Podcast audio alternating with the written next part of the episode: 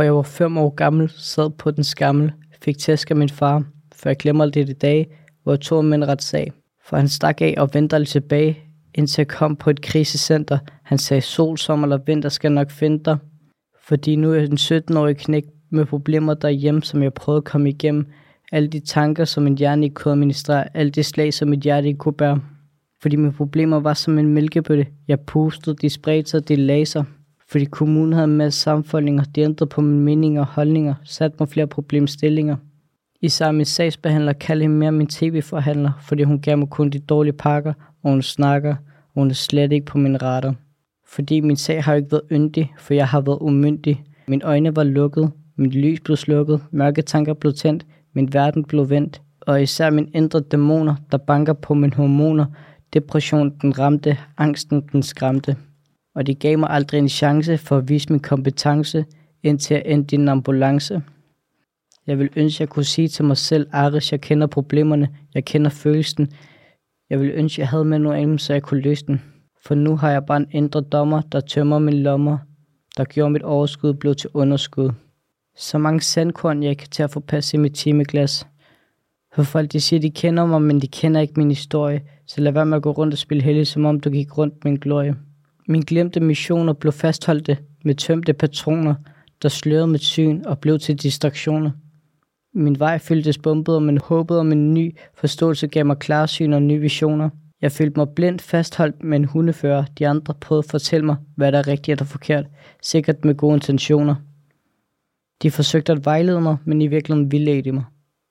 Fordi det kan godt være, at jeg har været vedholden, men det er helt utroligt, at de kan sidde så roligt i deres fine bolig med deres byråkratiske meninger, selvom de ikke har nogen problemstillinger. For jeg kæmpede for et sted, jeg kunne kalde for hjem. Jeg gav den maksimal gas for integration og noget plads. Ingen vilje, ingen styrke, ingen mod, ingen tro, for jeg kan love dig for tro, det giver dig uro. Fordi jeg ikke havde nogen stempler, med pas gav mig stress, og tankemylderen tog over.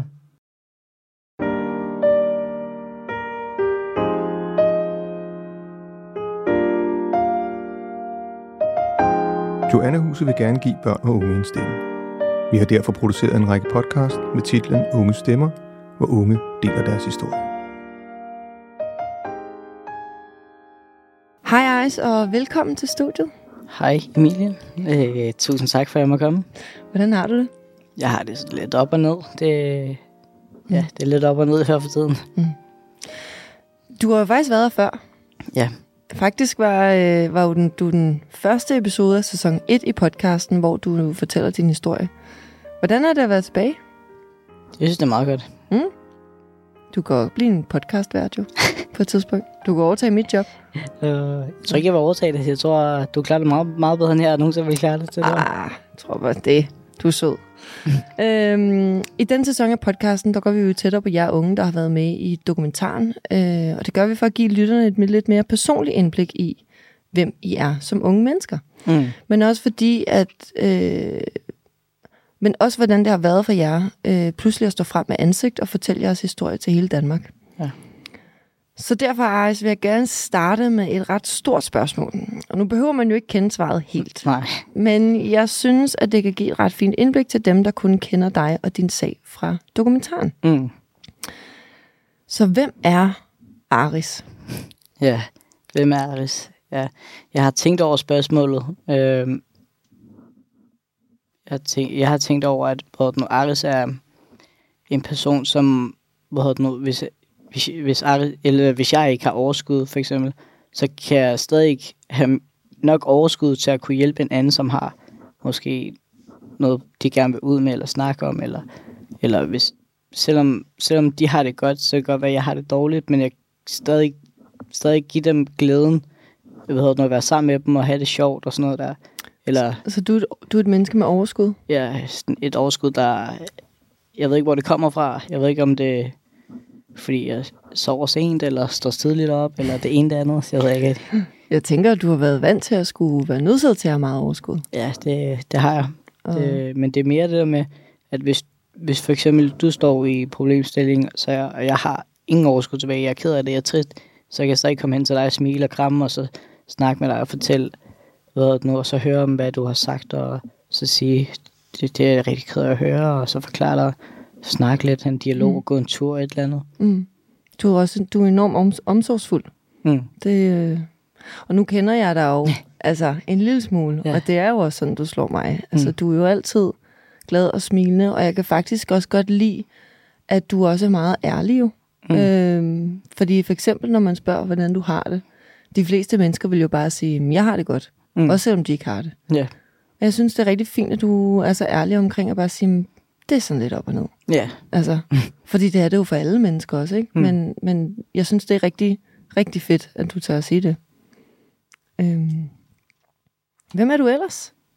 Hvem er jeg ellers? Jeg er en dreng, der godt kan lide at være aktiv i min- hverdag, og hvad hedder det nu, at være sammen, øh, være sammen social, og jeg kan godt lide at, hvad hedder det nu, at være sammen med venner og spille tennis.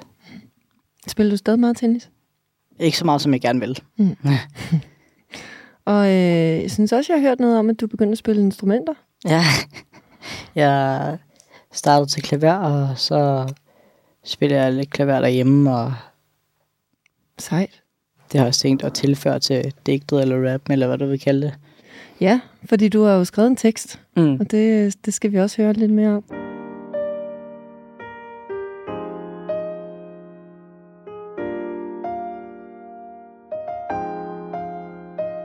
Okay, Ars, men vi skal jo snakke om øh, dig og Ja. alt det efter dokumentaren. Ja, Øh, og jeg vil gerne starte med at lige kort læse op øh, for dem, der måske ikke kan huske, hvad din afgørelse var endt med i dokumentaren. Mm. Men det var fra kommunen således. Vi har besluttet, at du skal anbringes uden for hjemmet. Vi lægger vægt på, at du har været vedholdende i dit ønske om at blive anbragt. Mm. Og nu giver dokumentaren måske et ret lille indblik i, ja. Øh, at altså Mm. den her vedholdenhed i, Mm. i ønsket. Men kan du ikke prøve at sætte nogle ord på, hvad, hvad du tænkte, da du, øh, da du fik den her? Jeg tror, jeg tænkte, hvad hedder det nu? Er det den grund, jeg bliver anbragt? Er det ikke, fordi der er vold i hjemmet? Er det ikke, fordi der er psykisk vold i hjemmet? Så jeg har valgt at anbringe mig, fordi jeg har nogle stærke mennesker ved siden af mig, der hjælper mig.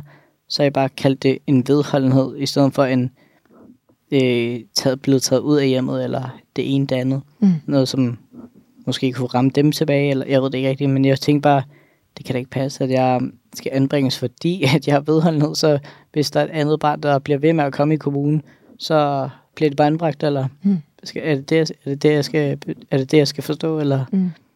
Ja, også fordi, at, at den vedholdenhed, altså til, til, til dem, som ikke øh, har set dokumentaren endnu, øh, og, eller faktisk hørt øh, første afsnit af, af, af sæsonen her, eller af podcasten, øh, så har du faktisk ønsket at blive anbragt i 10 år. Mm. Det vil jeg våge på at stå lidt mere end sådan bare at være vedholden. Ja, altså, det, og, og netop op, som du siger, at der ikke, der ikke er blevet lagt vægt på, at der var fysisk og psykisk vold i hjemmet. Der er blevet Mm. lagt vægt på, at du bare gerne ville væk, og det har du blevet ved med at sige ja, i 10 der, år. Der er ikke rigtig nogen, der har gjort noget, udover de steder, jeg har været, hvor de har skrevet underretninger, som de skal gøre. Mm. Men jeg føler, da jeg, da jeg kom tilbage til kommunen og sådan noget, og da kommunen blev ved med at sige, vi, vi tager et møde, vi tager et møde, vi tager et møde, og vi tager et møde. Og der tænker jeg bare til sidst, det var dem, der skulle hjælpe mig, og ikke mig, der skal tage deres job og komme med nogle papirer, og komme med en bisid, og hvad hedder det, være forberedt på forhånd, og hvad jeg skal sige, og være velformuleret. Så, Mm. mm. altså, så, hvis man, så hvis man ikke er så velformuleret, har de, hvad hedder det nu, har de midler som en bisidder, eller en, der kender nogle, kender nogle regler og love, ikke? Mm. Øh, så kan man så ikke få mulighederne for at blive anbragt, eller Mm. det fordi, de har fået, er det fordi, de er sidst på måneden med budgettet, ikke? Altså, Mm. det er Ja. sådan ting, jeg er også, ikke? Så Mm. der er en, der bliver anbragt, der er to, der bliver, åh, oh, hov, du, der er ikke lige nok penge til dig, du må lige vente lidt, du må lige være vedholdenhed, Mm. og så kan du få det et, et par år senere, eller et eller andet. Mm.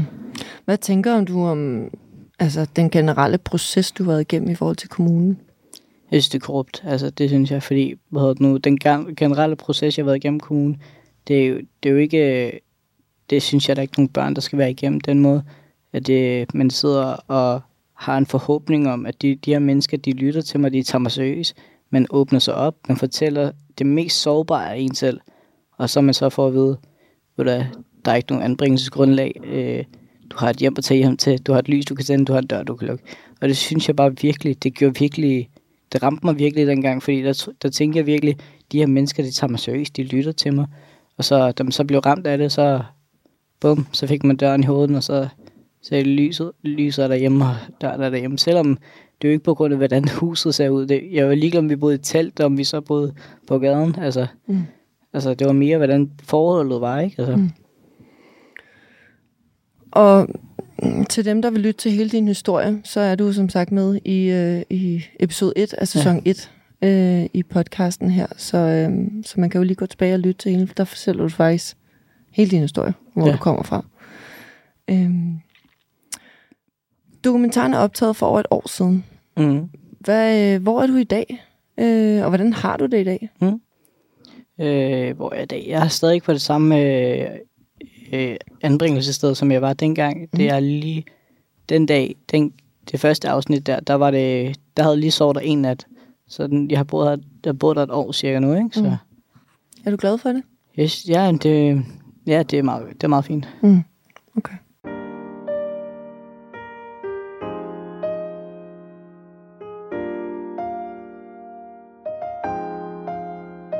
I forhold til dine forældre, Ja. har du stadig kontakt til dem? Jeg har lidt til min mor og slet ikke til min far. Okay. Og din mor valgte også at kommentere på dokumentaren faktisk, ja. men din far øh, valgte ikke at... Nej, Så ham ser du slet ikke. nej. Nej. Øh, han har prøvet at opsøge mig og sådan noget, og valgt at hvad det nu, tage ud til mit opholdssted. Sådan, der er jo, der er jo, hvad det nu, huset der, det store hovedhus. Mm. Men der, så kom han, og så det nu, bankede han på og spurgte, om jeg arbejdede der, eller boede der, og de voksne sagde, vi, vi, vi kan ikke rigtig sige, om hvem der bor her, eller ikke hvem der bor, og så... Så gik- du så ham ikke? Nej, så mig ikke. Nej. Jeg fik det bare at vide af de voksne, der kom bare hen til mit værelse og sagde, for jeg var ude og blive klippet, så kom jeg tilbage, og så sagde Mm. mm. til mig, at det, der, din far har været på besøg, og Mm. jeg har fortalt dem, nogle af de voksne ved godt, hvad- hvordan min far har været, og hvordan han er, og sådan noget, ikke? Mm. Fordi Ja. han er jo, man ved jo, man kan ikke, han er utilregnelig, ikke? Han er sådan, han kan være voldsparat, eller så kan han ikke være voldsparat, han kan være det ene det andet, ikke? Mm. Ja. Hvis vi lige går tilbage til, til dokumentaren. Ja. Øhm, er der noget, du savner i dokumentaren, som ikke blev vist? Ja, det, der er mange ting, man savner i dokumentaren, ikke? Men dokumentaren er rigtig god, men hvis, jeg tror, vi bedre nu, at det, så der kunne være tusind sæsoner, ikke? Og så man bare blive ved med at forklare og forklare, ikke? Men det, jeg savner mest, det er jo mere følelserne hvad, hvad følte man? Skuffelsen, den der, hvad hedder det nu, det der, som man får et større indblik i, hvad hedder det nu, den unges liv, at det ikke bare er, hvad hedder det nu, så, så, så hvad hedder det nu, som man så kan se på Laura, hun bliver ked af det, at hun, hun bliver ked af det over, at hvad hedder det nu, de siger, at der er ikke noget at gøre. Altså, Mm. mm. at øh, planen er, at der ikke er nogen plan. Mm. Og det er jo, der er også mere det der med, som, som ung, at man, man vi er sårbare, men det er også det der med, hvad det nu, det er ikke alle, der viser det, at man så, hvad det nu, op- opholder en facade, det, det er svært at opholde ret, men når kommunen bliver ved med at jokke en, og jokke en, og jokke en, så knækker den her facade på et tidspunkt, ikke? Ja, og nu som sagt, den her dokumentar altså, følger jo som sagt jeres sag, men, men, men det er jo stadigvæk et meget lille indblik, man får. Det, det er meget lige en blik i hver, hver, hver historie, hver, hvad hedder det nu, fordi vi er jo meget mere end vores sag. For eksempel så kan jeg godt lide at spille tennis, jeg kan godt lide at spille Mm. klaver, og så er, der, så er der mange af de andre unge, som også er med i dokumentaren, som har meget, mange ting, projekter og alt muligt kørende, som Mm. de er også rigtig gode til at... Mm. Ja. Så vi er jo meget mere end vores sag, men det er også mere, at, hvad hedder nu, at man, ikke, man, får, man får ikke en helhed af øh, personen. Man Nej. får, man får sådan måske 2% af Mm. mm. personen, ikke? Så du ville gerne have vist lidt mere personlighed. Ja. Hvad vil du, hvad vil du specifikt gerne have, de skulle se? Mm. Hvad vi også kan, Mm. at vi ikke bare ringer for, det nu, at sige, at vi ringer. Vi ringer ikke for at være vedholdenhed. Vi ringer ikke for at sige, at vi er ked af det. Vi ringer for at sige, at vi har nogle forældre, som har nogle øh, sociale udfordringer, og, hvad nu, og har nogle øh, forskellige kompetencer, som måske ikke er retmæssigt hvad hedder det nu, i orden, ikke? Altså, Mm. Mm. Og det tror jeg ikke, kommunen kunne forstå. Nej, og jeg tror også, der ligger vel også noget i, at I er jo også bare unge mennesker. Det er vi. Vi, Altså- vi er unge mennesker. Vi skal bare leve, vi skal leve livet, ikke? Altså, Mm. Ja. indtil, hvad hedder det nu, vi kan gå på pension og køre rullestol, ikke? Altså, ja, hvor lækkert. ja. altså, Og det er, jo det, det er jo det, der kunne være fedt også at, at få med. Det forstår jeg godt. Øhm, At, Men det, du- at det ikke bare alt sammen skal være trist, men det er jo trist, at der ikke er nogen, som det nu griber ind eller griber fat. Mm. Så den er ægte i den forstand, at øh, den er filmet i alle scener. Det er ikke fordi, det, der er taget to takes eller et eller andet. Den er filmet direkte. Det, Mm. Ja. Så det er måske en, en, en altså begge dele. Både det, Det- det gode og det mm. dårlige. det er både det gode og det dårlige. Ikke? Ja, det giver god mening. Hvad kunne du godt lide ved dokumentaren? Det jeg godt kunne lide ved dokumentaren, det som jeg selv lige har sagt, det med, at den er meget ægte. Mm. Mm. Den er meget et fluen på væggen, ikke? Altså, man ser det direkte. Det, nu, det er ikke fordi, som, som jeg lige sagde, jamen, det, det er to takes, eller vi tager den lige om igen, du, du græd lidt forkert, eller et eller andet, ikke? Altså, Ja. forstå mig ret, ikke? Altså, Græd lige lidt mere her. ja, lige Ja. præcis, ikke? Altså, den er taget direkte, følelserne, følelserne ude på tøjet, og alting er ude på tøjet, det, det hele ser man direkte, Mm. og det kan jeg godt lide. Og det med, at nu, at sagsbehandler, man får det stemme med og sådan noget, det jeg ved godt, den er forvrænget, ikke? men man får det med, det klip der, og de der klips med, og det, man får et indblik i, hvordan ser Hjørnehuset egentlig ud? Mm. Altså, Mm. mm. nu, hvis man har behov for hjælp og sådan, at det ikke er bare helt hvidt som psykiatrien, ikke? Altså, Mm. så er der vidt, ikke? Altså, Ja. at, det, at der er nogle farver, at der er nogle mennesker, der kan tage hånd om en, og hvad det nu, at det ikke er konventionelt, det er også vigtigt for de unge at vide, fordi når man har, har så meget, mistet så meget i, i det konventionelle, at man så tager, tager hen til Hjørnehus, og man får vide, at det er konventionelt, så tænker man, Ja, ellers tak. ja, altså, ved man ikke helt, om man skal tage dig op, så er der Nej. mange, der ikke tager dig op, tror jeg, og så jeg tror der er mange, der ikke vil have taget dig op, Ja. øh, hvis, man, hvis man vidste, det var konventionelt, ikke? Og, Ja.